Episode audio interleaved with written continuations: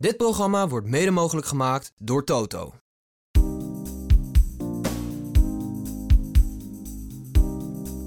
Welkom bij de Wielenflits podcast. Mijn naam is Maxi Morsels en met mij is hier ook Juri Eindsen.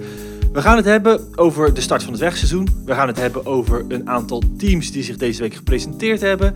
We gaan het hebben over de nieuwe cross in Benidorm, wat tevens de laatste clash van de grote drie gaat zijn, of de grote 2,5.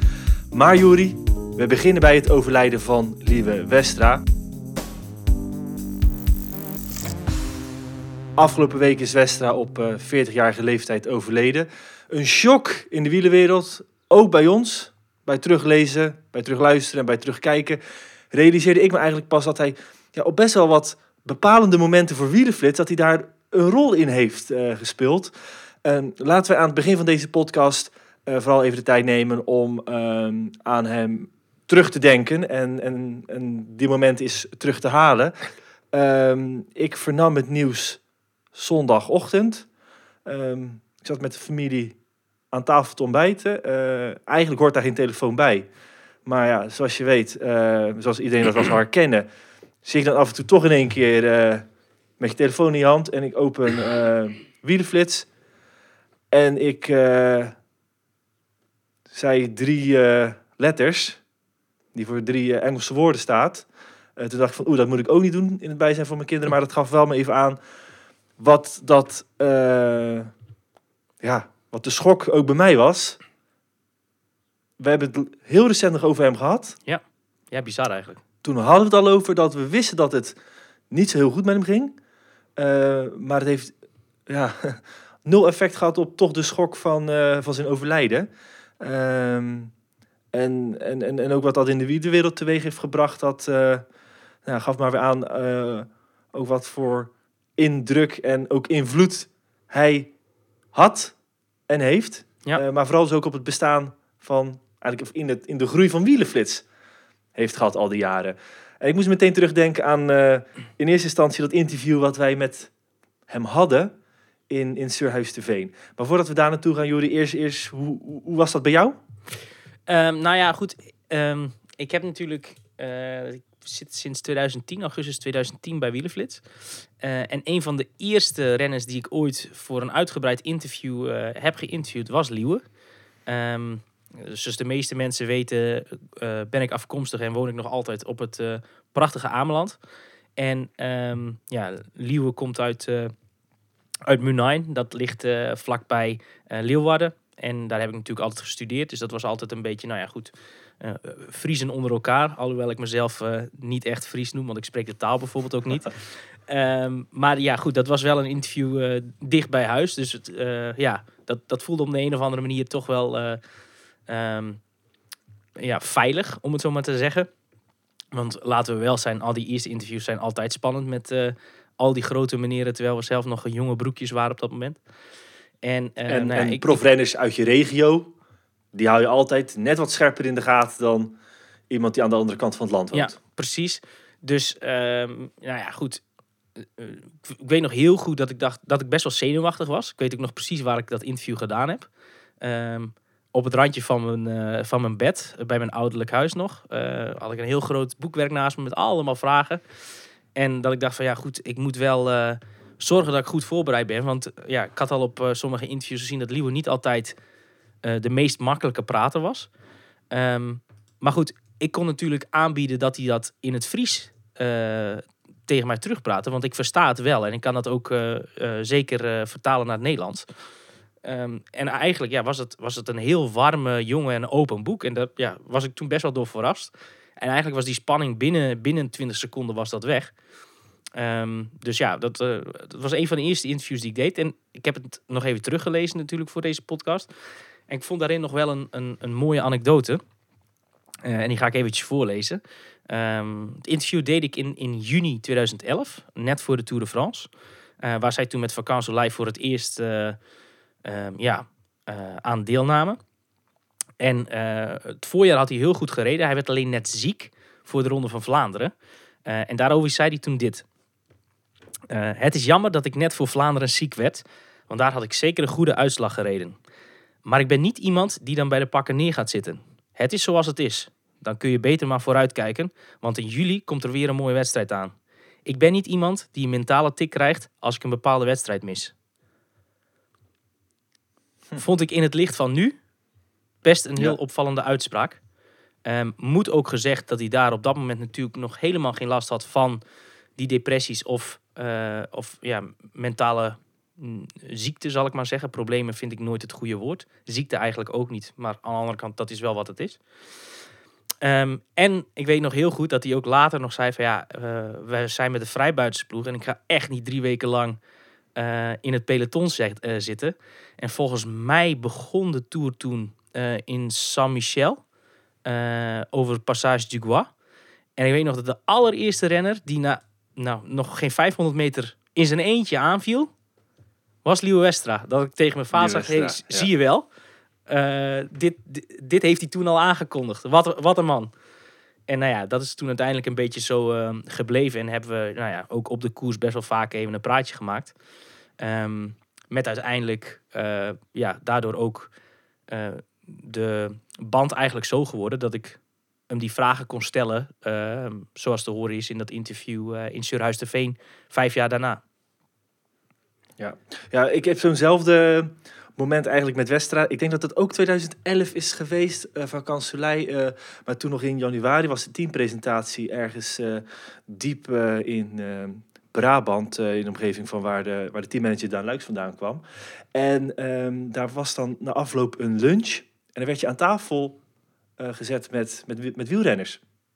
Zouden meer ploegen moeten Dus ook, ook nog, een, nog een jong broekie. En eh, zat ik in één keer aan tafel met eh Lieve Wester en Wout Poels. En eh, nou ja, natuurlijk zwaar onder de indruk. Eh, nou ja, toen nog eh, hartstikke nieuw in het, in het vak. Ik denk dat het een van de, mijn eerste, of het was een van mijn eerste teampresentaties. De allereerste was ooit bij Rouwbank in 2009. Ehm, maar dat was ook de plek waar we eigenlijk nog in contact kwamen met wielrenners destijds. Hè. Dat waren de teampresentaties begin van het jaar. En gedurende het jaar Amsterdam Gold misschien nog, Volta Limburg.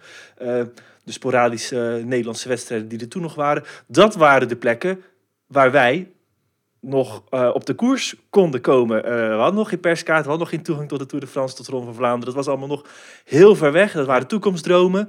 En daar zat ik toen in één keer, ik meen dat het 2011 was, aan tafel met eh, Wout Poels en eh Lieve Westra. eh, ja, zwaar onder de indruk om te mogen lunchen met twee gearriveerde profielrenners. Ehm, ja, en, dat is zo'n, nou ja, heel veel jaren later ging het natuurlijk. eh werd, werd het wat gewoner dat. Ehm, en vervolgens moest ik ook terugdenken aan, we gaan nu naar luisteren, het, het interview. Eh, heel veel jaartjes later, 2016. Nog steeds was het niet gewoon om bij de koers te zijn. Inmiddels deden we wel de voorjaarsklassiekers, maar een Tour de France waren we nog niet geweest voor een volledige ronde. Ehm, dus wat gingen wij doen om terug te blikken op de Tour de France? Gingen wij samen naar de ronde van Surhuis de Veen. eh, waar Nibali eh, aan de start stond, waar eh Froome deelnam, maar dus ook Lieve Westra. Ehm, ik liet jou de vragen stellen, ik filmde het interview. En dat nam, ik weet nog heel goed dat ik het aan het filmen, in één keer een hele bijzondere wending. Want Westra die werd, eh, ja, eigenlijk niet dat we het verwachten, werd hij behoorlijk openhartig. En sprak hij dus over, toen al over zijn, eh, zijn lastige jaren dat jaar.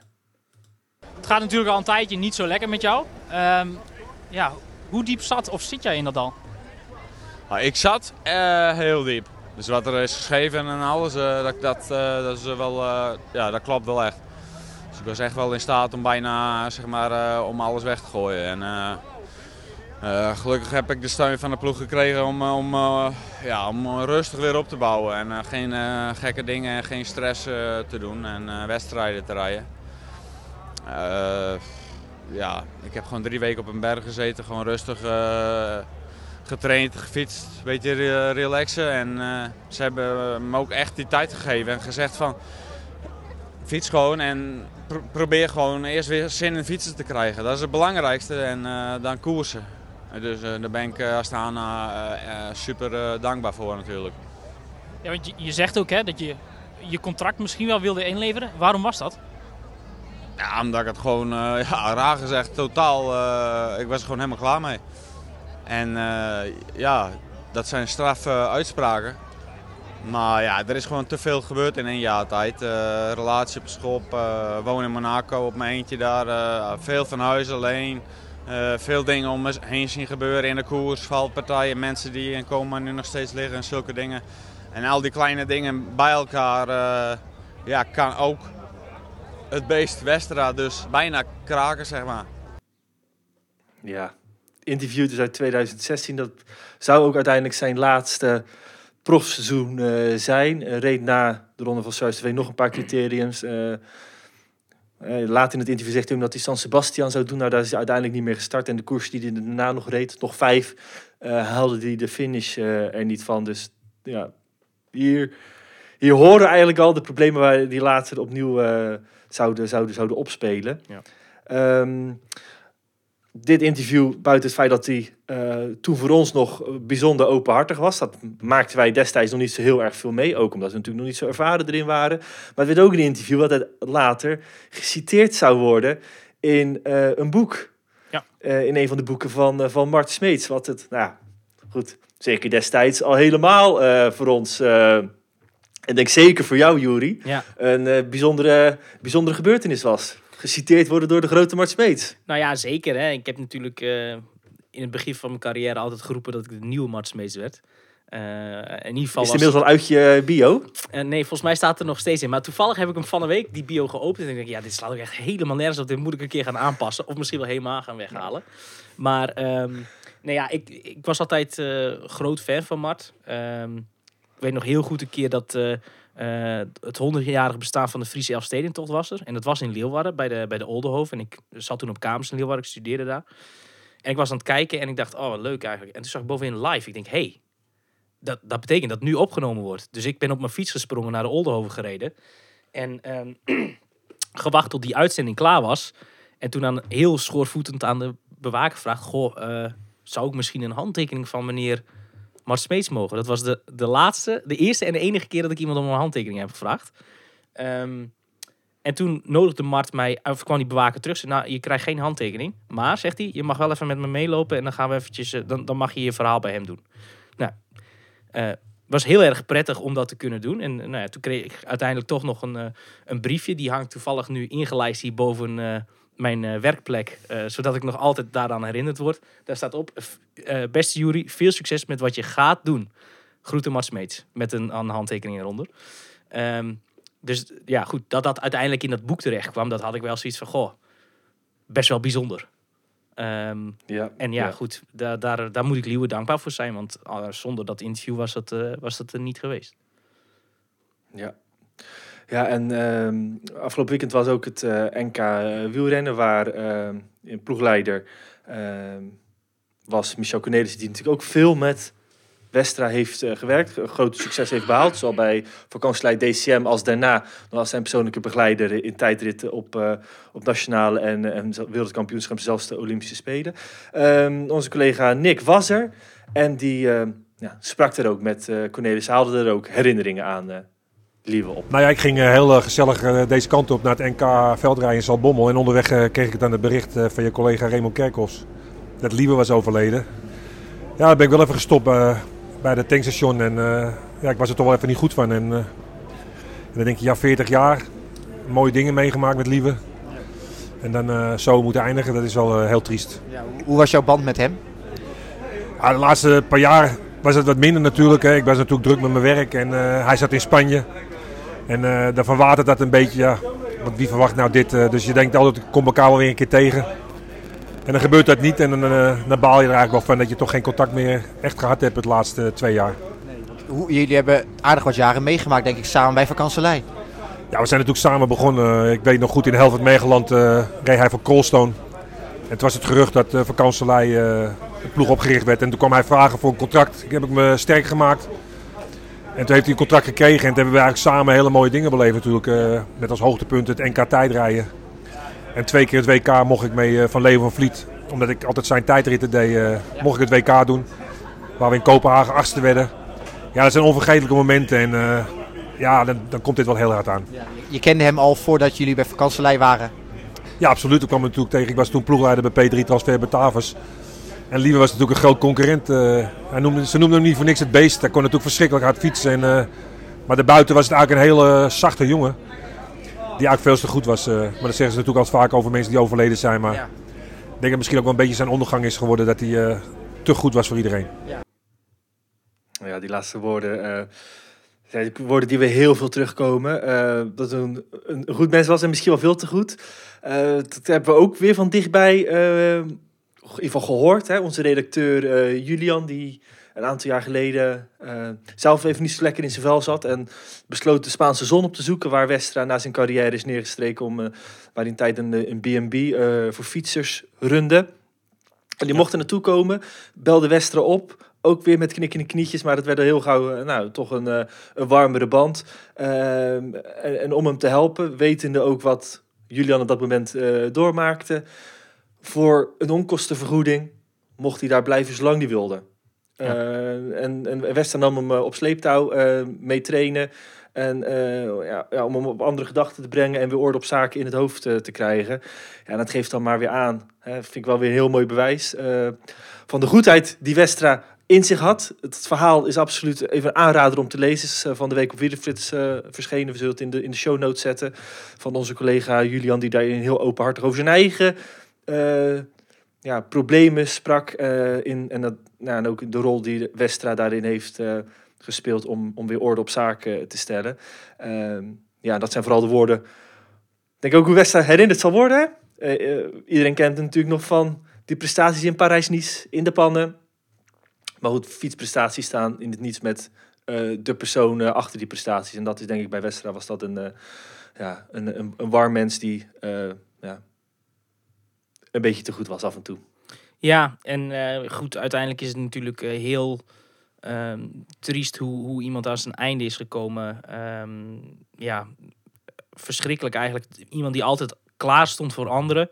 Ehm, en, en ja, goed, dat hij eigenlijk min of meer alleen eh, heen is gegaan, is natuurlijk wel, wel heel triest. Moet daarbij ook wel vertellen dat er zeker mensen zijn geweest die hem eh, geholpen of wilden helpen.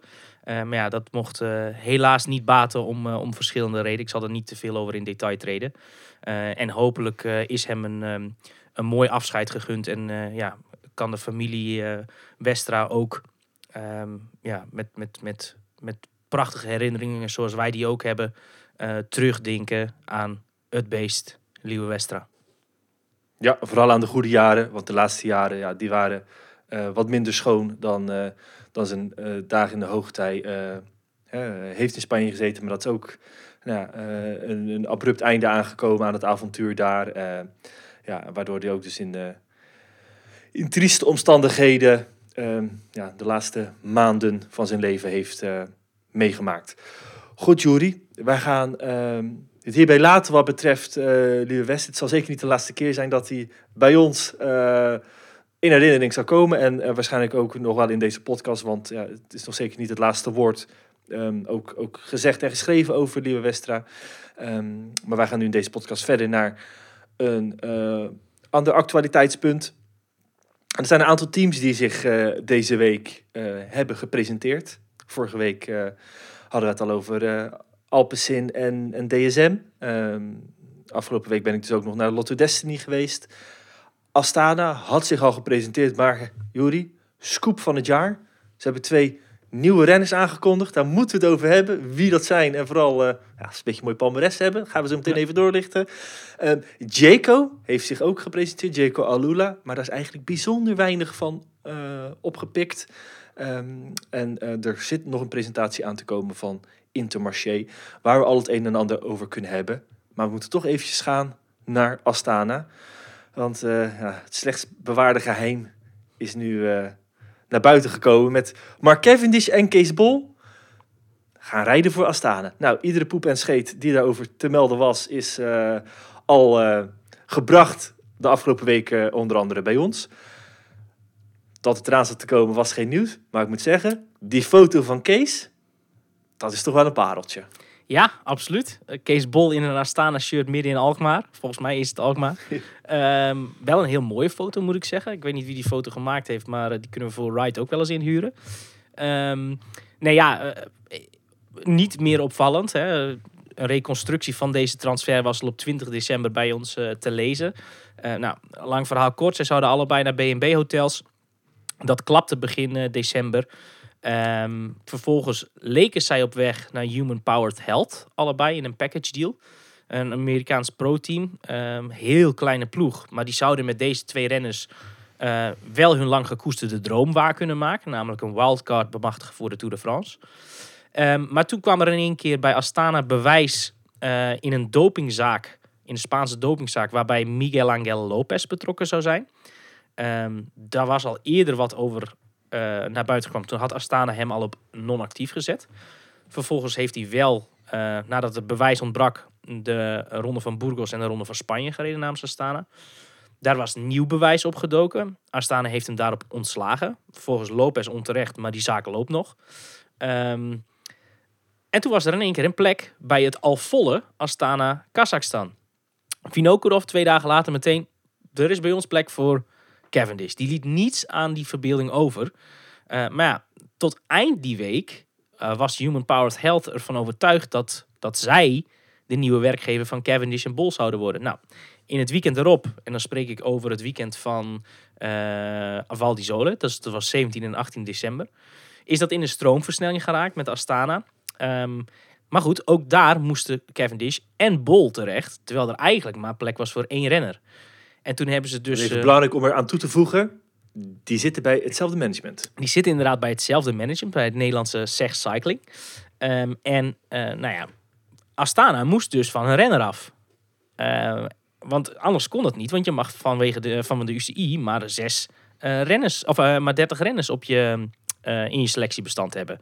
Dus dat was nog wel een hele truc. Nou, aanvankelijk leek het erop dat uh, Noorbergen Nulikassim um, gedegradeerd zou worden naar het de development team. Die had vorig jaar ook niet uh, World Tour koers gereden voor het World Team. Maar het is uiteindelijk Artyom Zakharov geworden.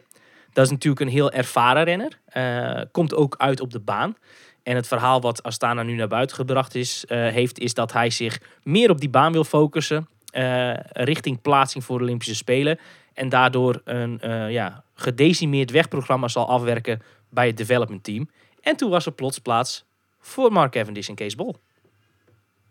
Ja, creatieve reden overigens. Nou goed, uh, en op zich uh, kan het ook helemaal kloppen natuurlijk van ja. uh, die baanambities. En dan hoef je niet per se een heel zwaar World Tour programma te rijden. en vanuit de opleidingsploeg kan je natuurlijk ook nog best wat, uh, kun je tot alsnog als wisselrenner mee naar alle koersen, behalve dan de World Tour koers. Ja. Dus ja, geen man overboord in principe voor hem.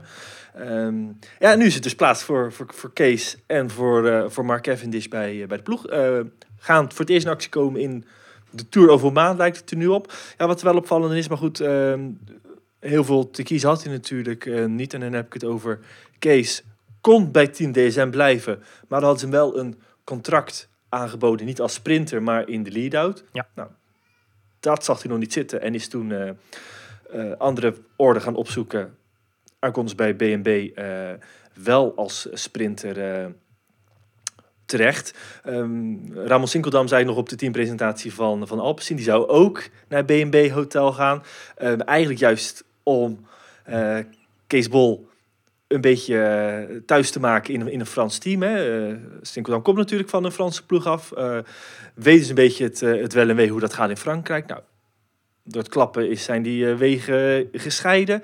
Maar nu gaat Kees dus toch wel onder andere de sprint moeten aantrekken voor, uh, voor Cavendish. Uh, in de reactie, daar zag ik dan nog wel een verschil aan, zegt ook uh, Vinnekoeren van met Kees hebben wij een goede lead-out voor, voor de sprints.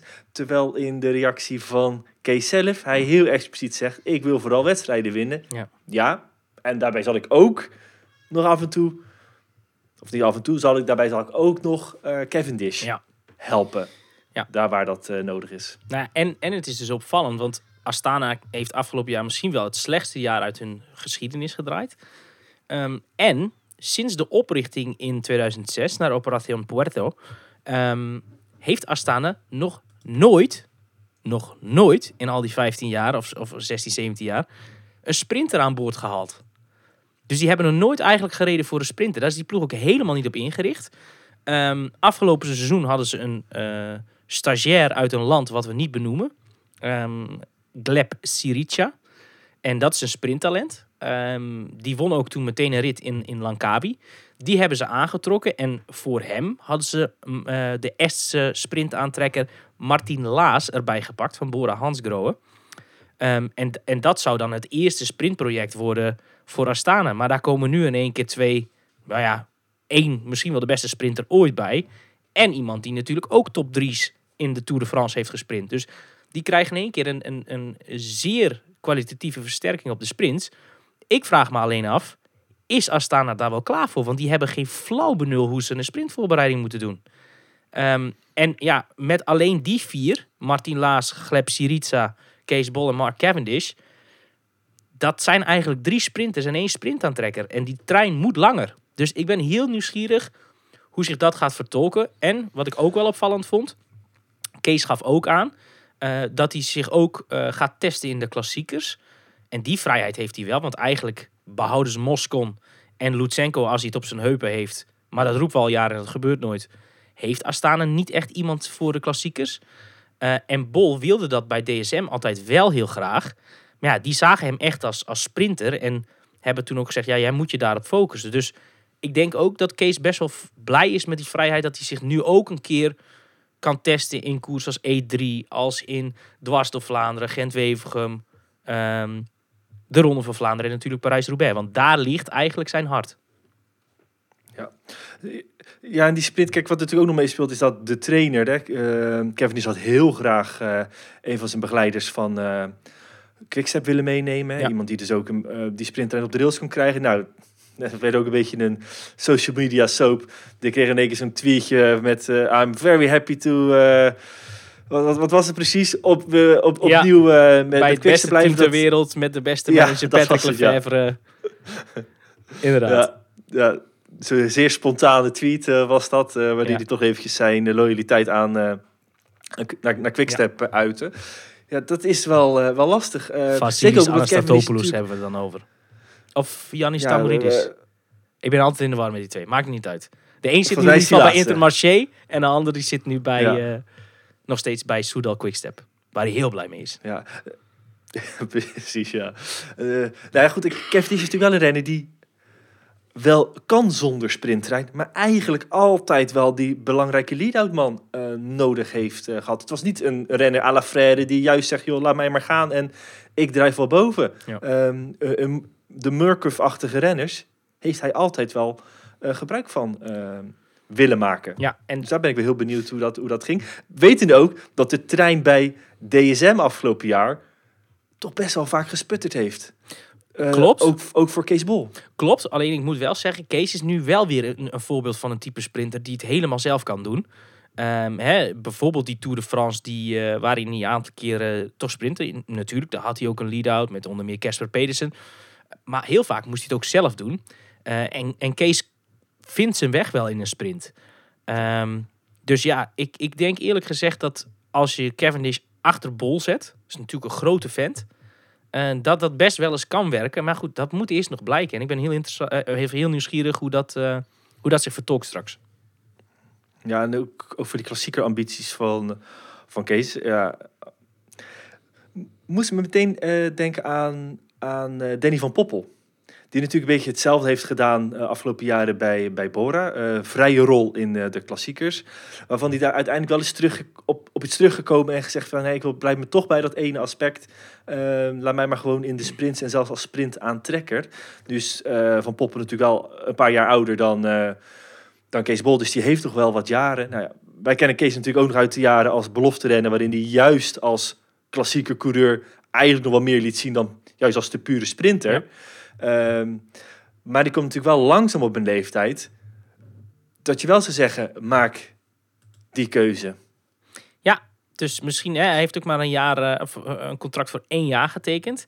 Nou ja, dat, dat kan dus dat nu alles op zijn plek valt en dat hij daarna vertrokken is voor, voor sprinter of klassementsrenner. Maar het kan ook best zijn dat het inderdaad een jaar is waarin hij erachter komt. Oké, dit is het toch niet.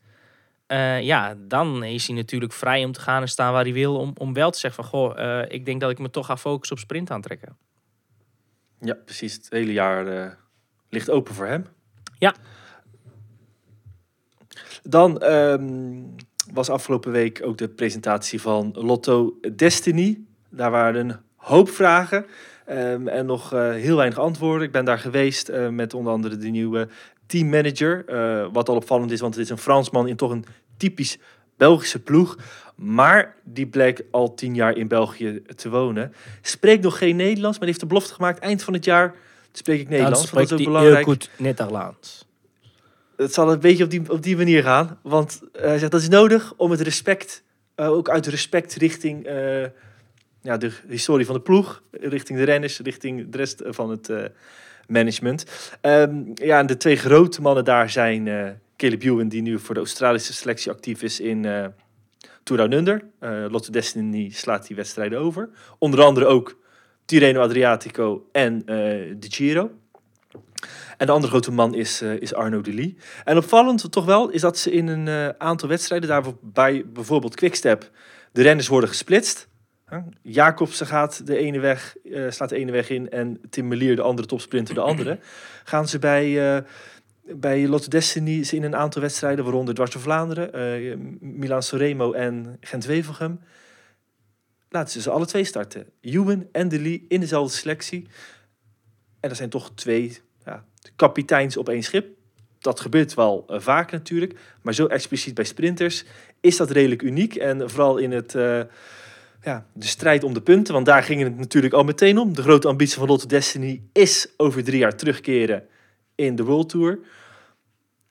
Gaat het wel iets zijn om, eh, om met behoorlijk wat interesse te kijken hoe dat, hoe dat gaat met die twee haantjes in één team? Ja. Zeker Arno de Lee vind ik toch wel ontpoppen als renner met, eh, laten we het omschrijven als een hoop karakter.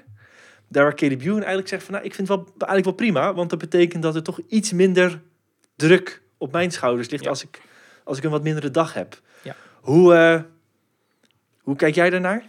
Nou ja, de koersen die je noemt zijn wel echt koersen waar eigenlijk een van de twee normaaliter komt bovendrijven. Milan Sanremo is de koers waarvan ik al jaren denk, Ewan kan die winnen. Die heeft er al verschillende keer op het podium gestaan. Nou, de Liga die voor het eerst rijden, die zal nu vooral gaan om te leren. Eh, dwars door Vlaanderen vind ik dan weer een koers die helemaal niet bij Caleb Ewan past. Eh, maar daar zie ik bijvoorbeeld iemand als Arnaud de Lee, die toch ook meer dat klassieker profiel heeft, het wel goed doen. Ehm, dat geldt ook voor Gent-Wevelgem. Al zou Ewan, als hij de Camel overleeft, daar ook kunnen meesprinten voor een eh, mooie eerresultaat. En die laatste koers ontgaat me even. Welke was dat ook alweer, eh, Maxime? Help me eventjes. Dwars door Vlaanderen, Gent-Wevelgem en Sanremo. Oh, dan heb ik ze allemaal gehad. Eh, dus dat is een beetje waarvan ik denk, ja... ehm, daar is de rolverdeling eigenlijk best wel wel duidelijk. Dus eh, ja, dan bijt het elkaar niet echt. Ehm, maar ik kan me wel goed voorstellen dat Ewan dat, dat, dat zegt. Want de laatste twee jaar rustte er wel heel veel druk op zijn schouders. Heeft een aantal keer flink veel pech gehad. Maar zou dat niet het resultaat geweest zijn van die druk die op zijn schouders lag? Ehm, en in het kader van dat licht snap ik deze uitspraak wel. Ja, het ging natuurlijk ook nog eventjes over, eh, over Sanremo en vooral ook de vraag van ja, ehm, geen enkele is, is Sanremo nog wel een sprinterskoers? Ehm, met in, in, in het tijdperk van de Pogacar van Aert, Alaphilippe, eh, Van der Poel. En ehm, hij zegt, ja, als je twee keer tweede bent geworden, wel steeds op, op achterstand van de renner die, eh, die voor mij is weggesprongen, dan kan het, als het goed loopt, kan het gewoon, eh, gel- geloof ik erin. Het is zijn grote doel. Echt wat hij in zijn carrière nog wil behalen. Om ja, de simpele reden dat het het enige monument is waar hij zichzelf toe in staat achter te winnen. En dit is wat absoluut in zijn palmares eh, niet mag ontbreken. Dus daarin was hij behoorlijk uitgesproken. Daar waar als je later toen met teammanagement zaten en eh, ging vragen, ja goed, die ploeg is helemaal zich opnieuw aan het uitvinden. Ja, dat dat allemaal in, toch wel wat een hoop vaagheden bleef eh, haken. Wel weten, weten we dat ze opnieuw mikken op een eh, plek tussen de 12 en eh, de 14 op de teamranking. Maar hoe ze dat gaan doen, dat, daar gingen ze niet verder over, over uitweiden. Thomas de Gent zei makkelijk, we moeten gewoon, en Kampenaerts ook, moeten gewoon aanwezig zijn en wedstrijden winnen. Nou ja, zo simpel kan het af en toe ook gewoon zijn. Wie is eigenlijk de derde kopman bij Lotte Destiny? Ehm, dan werd er toch wel gekeken naar, eh naar. Hm. Ehm, over de jonkies ging het eh, niet zo heel erg, eh, erg veel. Ehm, maar Kampenaerts eh, werd eigenlijk ook nog naar voren geschoven. Daar was in ieder geval qua drukte ook van de, de persbelangstelling wel het, wel het grootst. En opvallende aan zijn verhaal is, hij mikt op het voorjaar. En zijn grote afspraak waar hij naartoe rijdt, is de eerste wedstrijd die hij gaat rijden. En dat is Omloop het Nieuwsblad. Hm. Dus er staat alles al in het teken van, eh, van de omloop. Want natuurlijk daarin ehm, het voordeel is voor hem. Het speelde niet mee in, in die overweging. Is natuurlijk dat zowel Van der Poel als Van Aert eh, die wedstrijd eh, overslaan. Maar hij denkt, goed, ehm, eh, reed er afgelopen jaar al goed, maar kwam toen hard en val. Moest ook de wedstrijd verlaten. Maar dat het qua, qua parcours ehm, ja, goed bij hem past. Hm. Vooral omdat het onder die 200 is. Want dat laatste uur, ja, daarvan is hij, is hij zo eerlijk om te zeggen van ja, dat is er voor mij vaker eh, te veel aan. Ja, nou ja, en vorig jaar zei hij dat natuurlijk hetzelfde was door Vlaanderen. En daar was hij wel heel goed hoor. Dus ik ben heel nieuwsgierig of dat ook, eh, ook nu eh, het geval gaat zijn. En wat ik dus opvallend vond. ehm, Nederlands kampioen Pascal Eenkoorn is die kant op gegaan. En ehm, ja, heeft best wel een opvallend programma, vond ik. Nou ja, wij hadden hem eigenlijk al een beetje ingetekend op eh, de Vlaamse klassiekers. Kwam daar afgelopen jaren eigenlijk, eh, werd daarvoor gepasseerd vanwege de sterkte van de selectie eh, binnen Jumbo-Visma. Logische ja, redenering ook, dat heeft hij al gezegd in zijn overstap richting Lotto Destiny, is om meer voor eigen kans te rijden. hè. We moeten niet vergeten, het is een renner die al heel lang meegaat, maar hij is pas 25. Hè? Ja. Ehm, en dat maakt het natuurlijk wel goed. Dit is een renner die, die, kan, eh, die kan eindelijk in dat Vlaamse voorjaar eh, aan de slag gaan. Maar hij zegt zelf, ik wil voor het Waalse gaan. En de reden? Kasseien.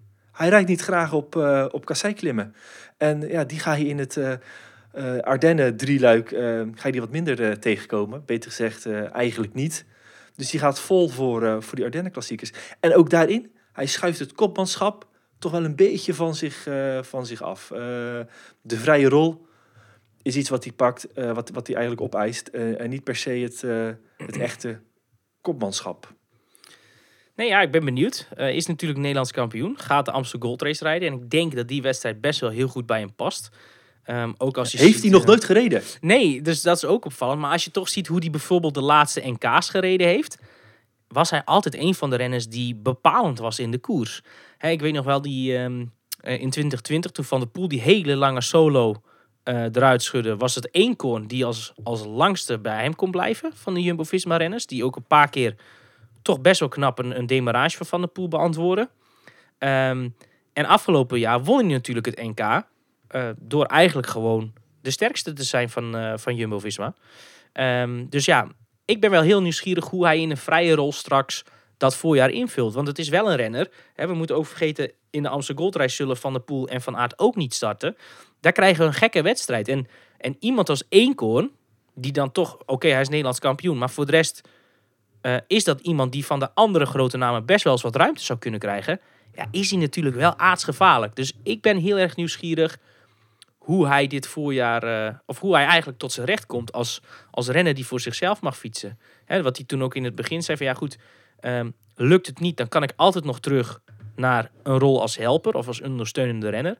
Maar ja, ik snap ook als je 25 bent en al jarenlang bij Jumbo-Visma zit, niet de kansen krijgt die je misschien eh, ja, hoopt te krijgen, dat je toch heel eventjes ergens anders wilt kijken wat er nog meer voor jou in zit. En ja, ik vind het een gewaagde, maar ook mooie keuze die Pascal gemaakt heeft. Ja, zeker. En ook over die Amsterdam Gold Race. Dat is wel ehm, een van de wedstrijden waar hij, waar hij echt het meest naar uitkijkt. Ook omdat hij...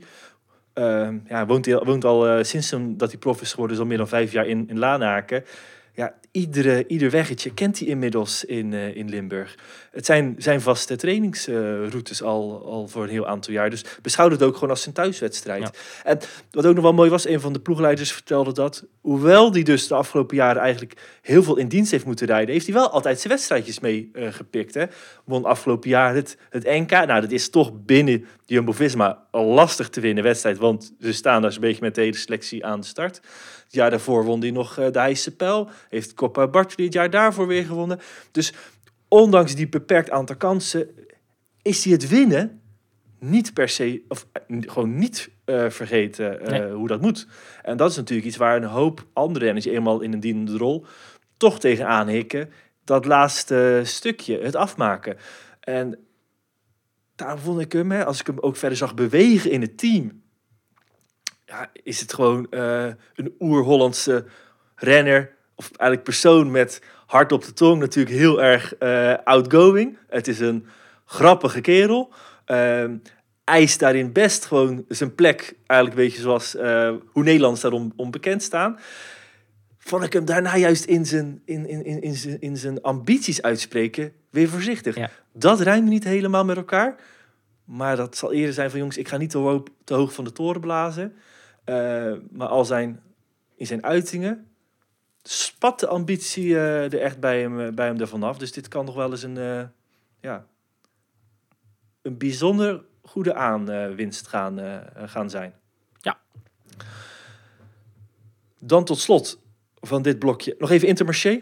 Ja. Die hebben deze week hun teampresentatie. Ik denk een van de meest interessante ploegen uit de World Tour. Juist vanwege die enorme transitie die ze aan het eh, doormaken zijn. Eike Visbeek staat er inmiddels aan het hoofd en is toch wel degene die dat allemaal in eh, zijn werk eh, heeft gezet. Ehm, ja, ik denk, Juri, ik, ik ga het je eigenlijk niet vragen. Ik wil eigenlijk zeggen, jongens, naar welke renners kijk je uit? Maar dan vrees ik dat je een derde van de selectie gaat opnoemen. Omdat er een aantal Nou. onbeschreven bladen tussen zitten. Ja, nee, dat met is, mooie verhalen. ja, nee, dat is wel zo. Kijk, iedereen zal natuurlijk naar Giermai kijken. Ehm eh Teunissen is Mike Teunissen. Heel interessant, inderdaad.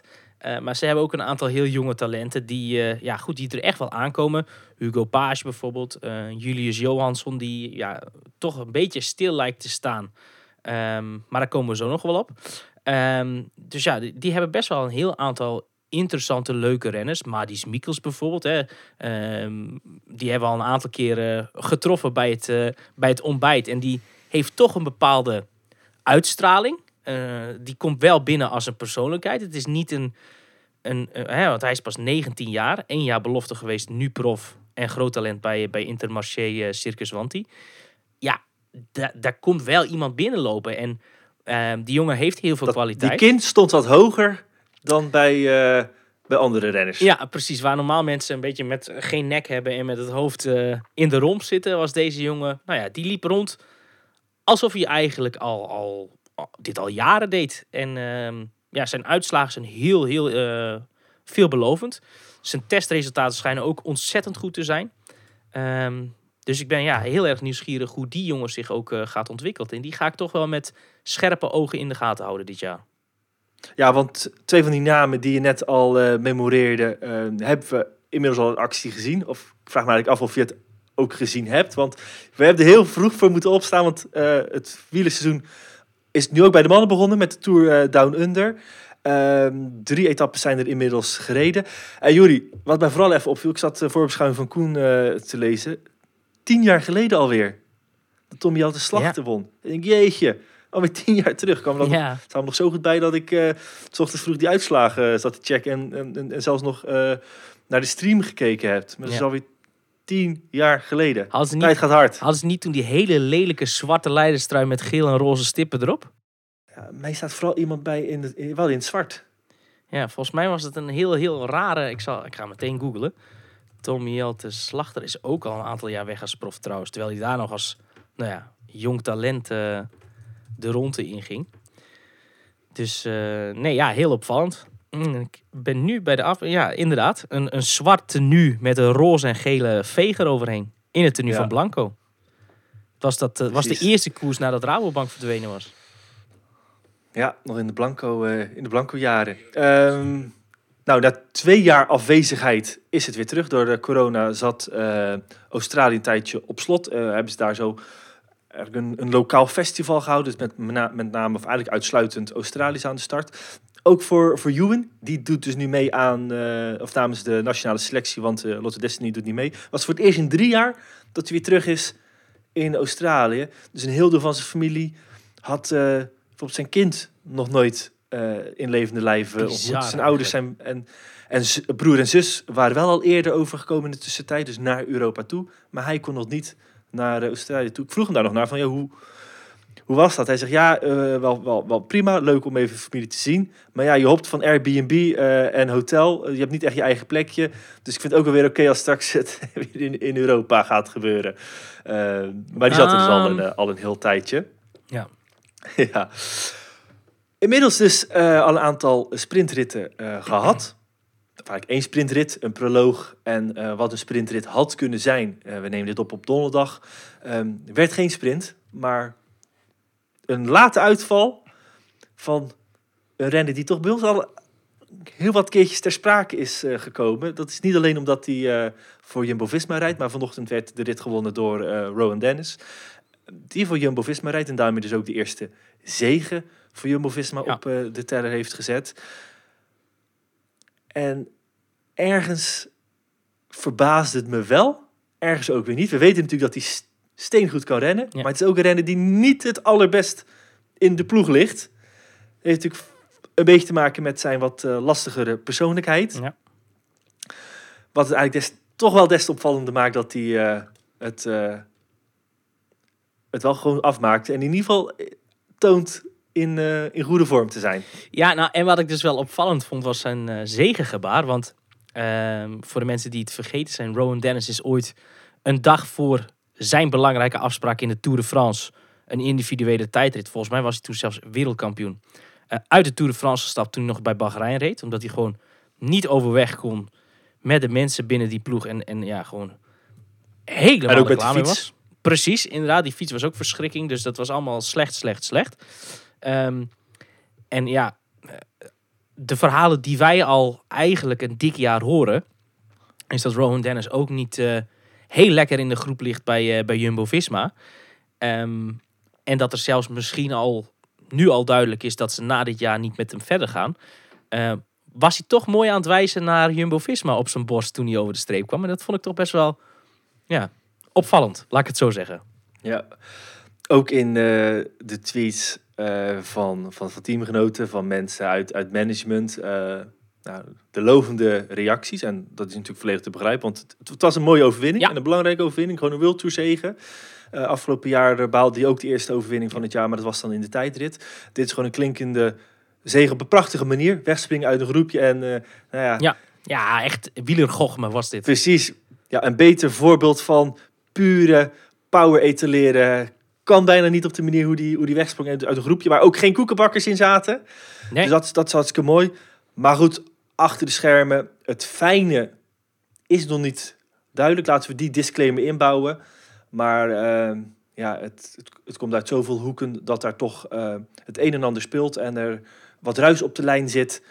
Eh, was ook voor iedere oplettende kijker, bijvoorbeeld ook tijdens de teampresentatie, al, al heel duidelijk. Hè? Hij is eh, vorig jaar binnengehaald, toch als een van de belangrijke renners voor in de ondersteuning. Zeker Ja, ook in de grote transfer rondes, waar ze trots op waren Waar ze trots op waren, precies. Eh, Van Ineos naar Jumbo-Visma. Ehm, nou, wat daarin meespeelt is natuurlijk ook hoe die eh, Theo Gegenhardt hielp aan eh, de overwinning in de Giro van Ja. 2020. Ja. Die kracht werd als grote aanwinst voor de ploeg gezien. Maar afgelopen jaar, afgelopen presentatie, een paar weken geleden, geen woord Nee. over hem. Nee. We hebben eh, de selecties eh, achterhaald van de grote rondes. Komt hij niet in voor? Nee. En daarbij ook dan nog eh, signalen die wij in de wandelgangen horen. Is dat het eigenlijk al een... nou ja, ik denk dat ik het goed omschrijf met behoorlijk wat ruis op de lijn. Ja. Ehm, nu ben ik wel heel benieuwd hoe dat straks gaat zijn richting bijvoorbeeld de Giro. Hè? Want wat we ook moeten aanhalen is, nadat er nu feest is, was er gisteren, eh, dus woensdag, al eh, een hele bittere pil te slikken. Ja. Met het eh, wegvallen van Robert Geesing, die ja, een breuk in zijn, in zijn heup heeft opgelopen. Of in zijn bekken. Ja. En daardoor maanden uit de roulatie gaat zijn. Hij staat voorlopig, stond op drop voor de Giro. Ja. Nou, gaat Rowan Dennis dat dan de logische invulling zijn? Nee, Wij denken dat dat niet zozeer gaat zijn. Nee. Nee, en dat heeft alles mee te maken dat hij eh, vorig jaar ook maar vijf koersen voor Jumbo-Visma heeft gereden. Eh, vergeten wel veel mensen, maar hij reed alleen Parijs-Nice, Catalonië, Romandie, Zwitserland en later de Vuelta voor Jumbo-Visma. Meer koersen heeft hij niet gereden. Eh, ja, uiteindelijk de, reed hij natuurlijk ook voor Jumbo-Visma, maar niet in teamverband de Australische kampioenschappen. Ehm, en dat is ook niet zonder reden, want hij zat natuurlijk vorig jaar in de voorbereiding eh, op de Tour. Was hij, behoorde hij bij die elf renners die zich eh, ja, moesten klaarstomen voor de Tour de France. En er moesten staan eh, wanneer die selectie ook maar bekendgemaakt werd. Ehm Rowan Dennis is daar natuurlijk afgehaakt. Eh, werd gezegd vanwege eh, blessures dan wel ziektes. Ehm, maar in de wandelgang eh, gaat er toch een heel ander verhaal rond. Ehm, dat eigenlijk de rest van de tourploeg niet met hem kon samenwerken. Dat het een, een storende factor in die voorbereiding was. En dat iedereen heeft aangegeven, ik wil naar de Tour de France als Rowan Dennis er niet bij is. En dat dat de ware reden zou zijn geweest waarom hij vorig jaar eh, ja, van het trainingskamp weg is gegaan. Hij zou er helemaal klaar mee zijn geweest. eh, en, en ja, niet kunnen leven volgens, volgens de richtlijnen die de ploeg daar, eh, daar opstelt. En ja, als je ook heel eerlijk bekijkt hoe dat daarna gegaan is. Hij heeft alleen nog een halve ronde van Zwitserland eh, achteruit gereden. En daarna de Vuelta. Meer koersen heeft hij niet gereden. En eh, je zegt net al, de oplettende kijker die had kunnen opvallen dat bij de teampresentatie er met geen woord over gerept werd. Dat klopt, maar wie opgelet had, heeft ook gezien dat de Nederlanders van Jumbo-Visma die in Australië waren, al wekenlang daar samen trainden. En dat Rowan Dennis daar niet één keer bij is geweest. Althans, eh, niet volgens Strava of, of foto's die ze altijd met elkaar gemaakt hebben. Dus eh, ik heb het idee dat Rowan Dennis alles weggedemsterd bij Jumbo-Visma. En dat ja, eh, contractueel moeten renners verspreid over een heel jaar 35 koersdagen afwerken. Ehm, ehm, volgens de reglementen van de UCI. Ik vermoed dat het er niet heel veel meer gaan zijn dit jaar voor Rowan Dennis. Nee, ik wil daar wel even de kanttekening bij maken dat hij inderdaad niet heel veel koersen vorig jaar heeft gereden. Maar als je alle koersdagen bij elkaar optelt, komt dat alsnog op 49 uit. Dat zijn er, eh, nou goed, eh, daar waar contractueel, hè, mocht dat, dat is meer iets wat voor dit jaar zou kunnen spelen, is het minimum eh, 35. Maar kan er zelfs geswitcht worden met ja, hoe die, eh bijvoorbeeld ook met het development team eh, meegaat. Dat zijn ook koersdagen die tellen. Ehm, ja, en een, een, deze Australische ronde ontzeggen is natuurlijk, ja, zou eh, überhaupt niet handig zijn. Want je hebt al één renner die daar überhaupt al zit. Eh, vanwege zijn, eh, ja, dus zijn nationale ronde. Ja. Plus, Maar het, het is een steen dat er dus renner, een- hè? Maar dat is, ja goed. ja, nou, dat, dat bewijst hij vandaag weer. Ja, en, eh, en ja goed, het lijkt er alleen op dat hij qua persoonlijkheid niet past bij Jumbo-Visma. En ja, eerlijk gezegd was die twijfelde natuurlijk al van de hele wielerwereld of dat wel zou werken. Ehm, maar ja, laten we het nog dit jaar afwachten. Maar ik vrees er een beetje voor dat men zich daarop verkeken heeft. Goed, Jury. Ehm Tour Down Under duurt tot en met eh, zondag. De rit naar Belunga Hill die, eh, moet nog volgen. Het klassement eh, gaat nog overhoop gegooid worden. Ehm, er begint zondag ook nog een andere ronde. Eh, dus nu moet je heel vroeg opstaan om live koers te kijken. Voor die volgende ronde moet je vooral laat naar bed gaan. Al valt het mee? Rond middernacht geloof ik. Hè? Gaan de finishes zijn. Je kunt ze prima combineren. in, in San Juan. Ja, je hebt zelf nog een paar uurtjes slaap. eh, Zeker. als je aan vijf uur slaap genoeg hebt, kun, kan je gewoon... Ik zou ze eh, prima kunnen combineren. eh, ga, ga je met koers slapen en sta je met eh, koers weer op. Ehm, mij past eh, de Tour Down Under me iets beter dan, eh, dan San Juan. Ehm, maar dat gaat wel de moeite waard zijn om eh verwakt te blijven. Want de eerste keer eh, dit jaar dat eh Remco Evenepoel in actie komt. ehm, een terugkeer van Bernal. En, jij zei, eh, noemde zijn naam straks al, Superman Lopez. Voor zijn nieuwe team eh Medellin. En ik zag van de week al ehm, screenshotjes op eh Strava voorbij komen. Dat hij ergens daar in de regio een zeer straf ehm, nieuw kommetje heeft neergezet op, Ja. een, op een klim. Wat dus zijn goede vorm zou kunnen vermoeden. Nou, dat met wat, wellicht wat rancune in zijn lichaam. Ben ik toch wel heel benieuwd hoe hij, het gaat, eh, hoe hij zich gaat verhouden ten opzichte van eh, Ja, en, en Lopez de Evenepoelen. is natuurlijk een En gifkikker. Dus eh, ja, ik ben wel heel erg nieuwsgierig. Want die, heeft, die voelt natuurlijk dat hij zich ontzettend veel onrecht is aangedaan door Astana. Omdat hij dus genoemd wordt inderdaad in die dopingzaak. Maar vanuit de UCI is er nergens iets gecommuniceerd dat hij op non-actief moet staan. Of Ehm, nou ja, of wat dan ook. Hij mag gewoon koersen en rijdt dus nu bij het eh, kleine Medellin. En dat is een noodoplossing, omdat nou ja, alle andere ploegen eigenlijk vol zaten. En misschien ook wel niemand zich eh, zijn vingers wil branden aan deze jongen. Eh, maar hij zelf houdt vol dat hij clean is en ook nooit doping gebruikt heeft. En ja, ehm, we kennen allemaal nog die beelden toen hij bij Movistar reed in de voorlaatste rit van de Vuelta van 2021. Waarin hij gewoon uitstapt omdat hij verschrikkelijk kwaad is op Enric Mas. En ja, Lopez is natuurlijk een heel, heel, heel goede renner. Die kan met dat gif in zijn lijf, die kan daar echt energie uithalen. En kan best wel eens hier iedereen op een hoop gaan rijden in San Juan. Goed, dat gaan we vanaf eh, zondag zien. Eh, dan begint ook het Europese wegseizoen in Spanje met de Valenciana race. Maar in Spanje schijnt naast de zon dit weekend ook de cross met eh, een nieuwe wereldbeker in Benidorm. En eh, daar ze een heel mooi parcours. Helaas niet over de boulevard uitgetekend, maar wel wat verder achter in eh, de stad. Een ja, parcours, als ik toch de foto's, eh, onze redacteur Ties is er al geweest. Die, wij, wij wilden er afgelopen week naartoe gaan, maar daar kwam van alles tussen dat we het parcours niet kunnen, hebben bekijken. Ehm, ja, wat ook een, bijna een half mountainbike parcours leek, of in ieder geval delen in te zitten, dat veel weg had van een single track. Dus ja, dat brengt natuurlijk twee van de drie in het voordeel.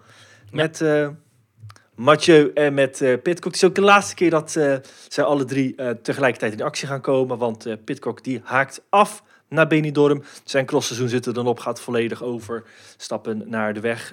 daar waar Van der Poel en Van Aert wel nog het WK gaan betwisten.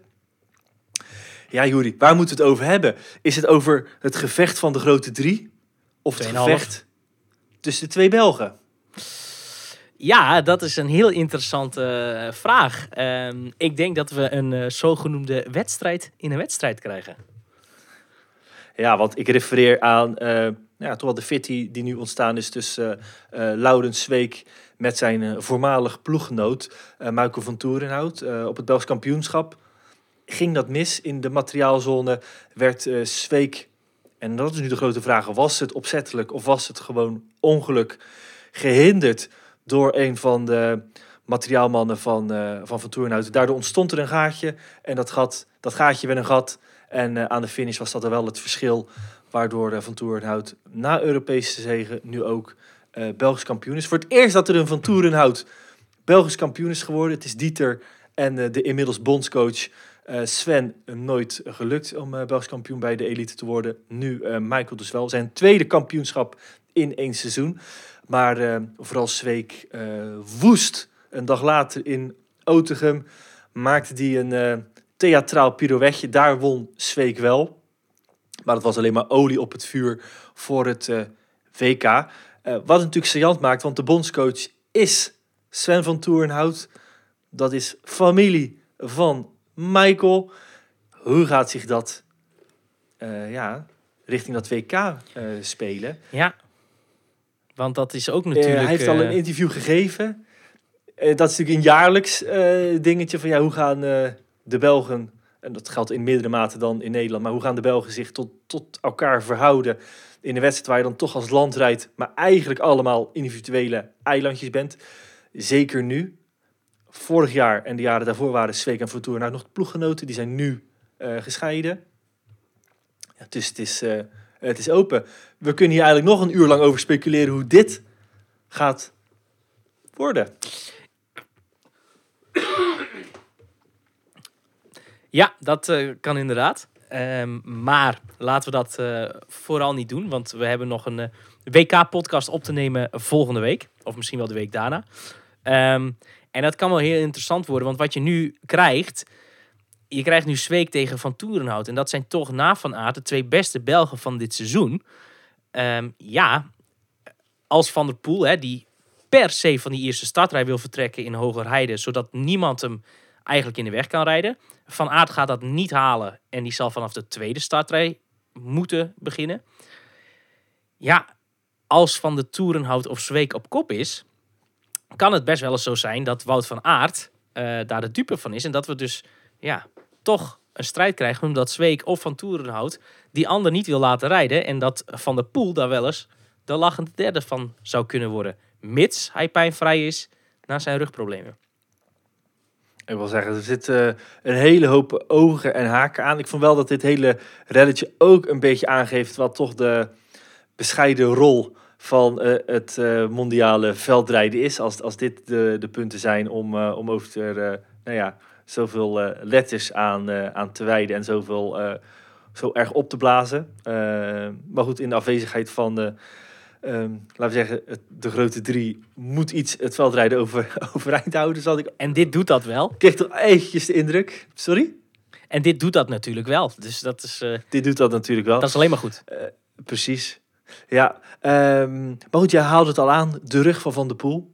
We hebben vorige week hem er uitgebreid over gesproken. Althans uitgebreid. Hij liet er niet zo heel erg veel over eh, weten. Eh, wel dat het beter gaat. Het is losgemasseerd. Op de weg heeft hij er weinig last van. Maar ja, in het veld.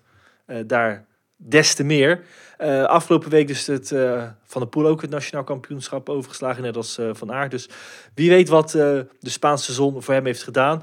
Maar gaat dat het grote gat, ook komende zondag, wat toch is zit tussen Van Aert en Van der Poel, gaat het ingelopen zijn? Ik, Ik eh, vrees ben heel ervoor. benieuwd. Ik ben heel benieuwd. Kijk, beide hebben natuurlijk, eigenlijk alle drie, hebben een wegstage van twee weken achter de rug. Ehm, dus ja, het is, het is de vraag hoe ze daarvan terugkomen. Hebben ze een stukje techniciteit ingeboet? Ehm, ik weet dat Van Aert wel een aantal keer is wezen lopen, maar hebben Pitcock en Van der Poel dat ook gedaan? Ehm, ja, het is wel heel erg nieuwsgierig. Puur ook omdat het de laatste eh, krachtmeting is tussen die drie. Hè. Voor Pitcock is het ook zijn laatste wedstrijd in de regenboogtrui. Ik kan me heel goed voorstellen dat hij in stijl afscheid wil nemen. En eh, ja, dat er misschien die andere drie, of die andere twee wel eens eh, het nakijken kunnen hebben. En het is natuurlijk heel interessant om te zien, ja, wat zijn die verhoudingen nu richting dat WK over twee weken? Hoeveel moet de een of de ander nog goed maken om te kunnen wedijveren in Hogerheide met de ander? Dus ja, het is een heel interessante cross eh, om te volgen. Vooral ook omdat het de laatste is waarin ze tegen elkaar rijden. Ja, het is ook de vraag, eh, want het is ook nog niet duidelijk. Van der Poel zou nog een extra cross eh, toevoegen aan zijn programma. Dat is volgende week. Dan is de wereldbeker van Nomé en nog een cross Besançon. in België. Oh, ook, eh, ook Frank, Besançon. Ehm, ja, welke het gaat worden. En of het überhaupt wat gaat worden. Ja, dus ehm, ja, nogmaals, ben, eh, ben heel nieuwsgierig daarna. Precies. Nou goed, we gaan het, eh, we gaan het meemaken. Ik eh, hop er zondag eh, naartoe. Een cross in andere omstandigheden. Ik denk dat er... hebben we dit jaar al zo'n zonnige cross meegemaakt. Normaal gesproken wilde het wel eens in september gaan gebeuren. Maar dat was dit jaar ook niet het geval. Ik, Zon in, kort, in korte broek zou mogelijk zijn. ik vermoed dat jij er eh benen enorm eh, zin in hebt. Ik hoop vooral op, eh, op een eh, hele leuke strijd. En ook strijd in de strijd. En ook niet onbelangrijk, een eh, cross bij de elite. Of eh, sorry, bij de belofte er weer bij. En eh, als we natuurlijk de afgelopen weken hebben gekeken, zijn dat vaak eh, bijzonder interessante crossen. Eh, daar waar ook, eh, ik ben ook wel benieuwd waar, waar Thibaut Nijs eigenlijk start. Of hij weer bij de elite start of eh, de belofte categorie pakt. Ja, en wat dan eh nieuwbakken Nederlands kampioen eh Tibor Del Grosso en ook David Havertings eh daar tegenover kunnen zetten. Precies, nou dat verslag of, lees je de komende dagen op Wielerflits. Jori, dit was het voor de podcast van deze week. Heb je nog een laatste uitbrander? Dat er nog heel, heel, heel veel verhalen voor jullie in het verschiet liggen. Precies, ja. De bak die wij hier eh, hebben opgehaald, gaan we langzaam eh, uitstorten over Wielerflits de komende weken. En die vervangen voor Robert Geesink in de Giro, weten we misschien al. Maar wat valt er nog over te zeggen? Vooral eh, welke, welke, welke kleuren zijn shirtje bevatten. Normaal geel en zwart. Maar ja, misschien ook wel, wel wat anders gestreept. Goed, daar gaan we het eh, de komende week over hebben. Jori, dankjewel. Wij zijn er volgende week weer terug met een nieuwe Wielerflits podcast. Ja, dan ook eh, verslag vanuit Spanje. Dag. Adios, amigos. Dit programma werd mede mogelijk gemaakt door Toto.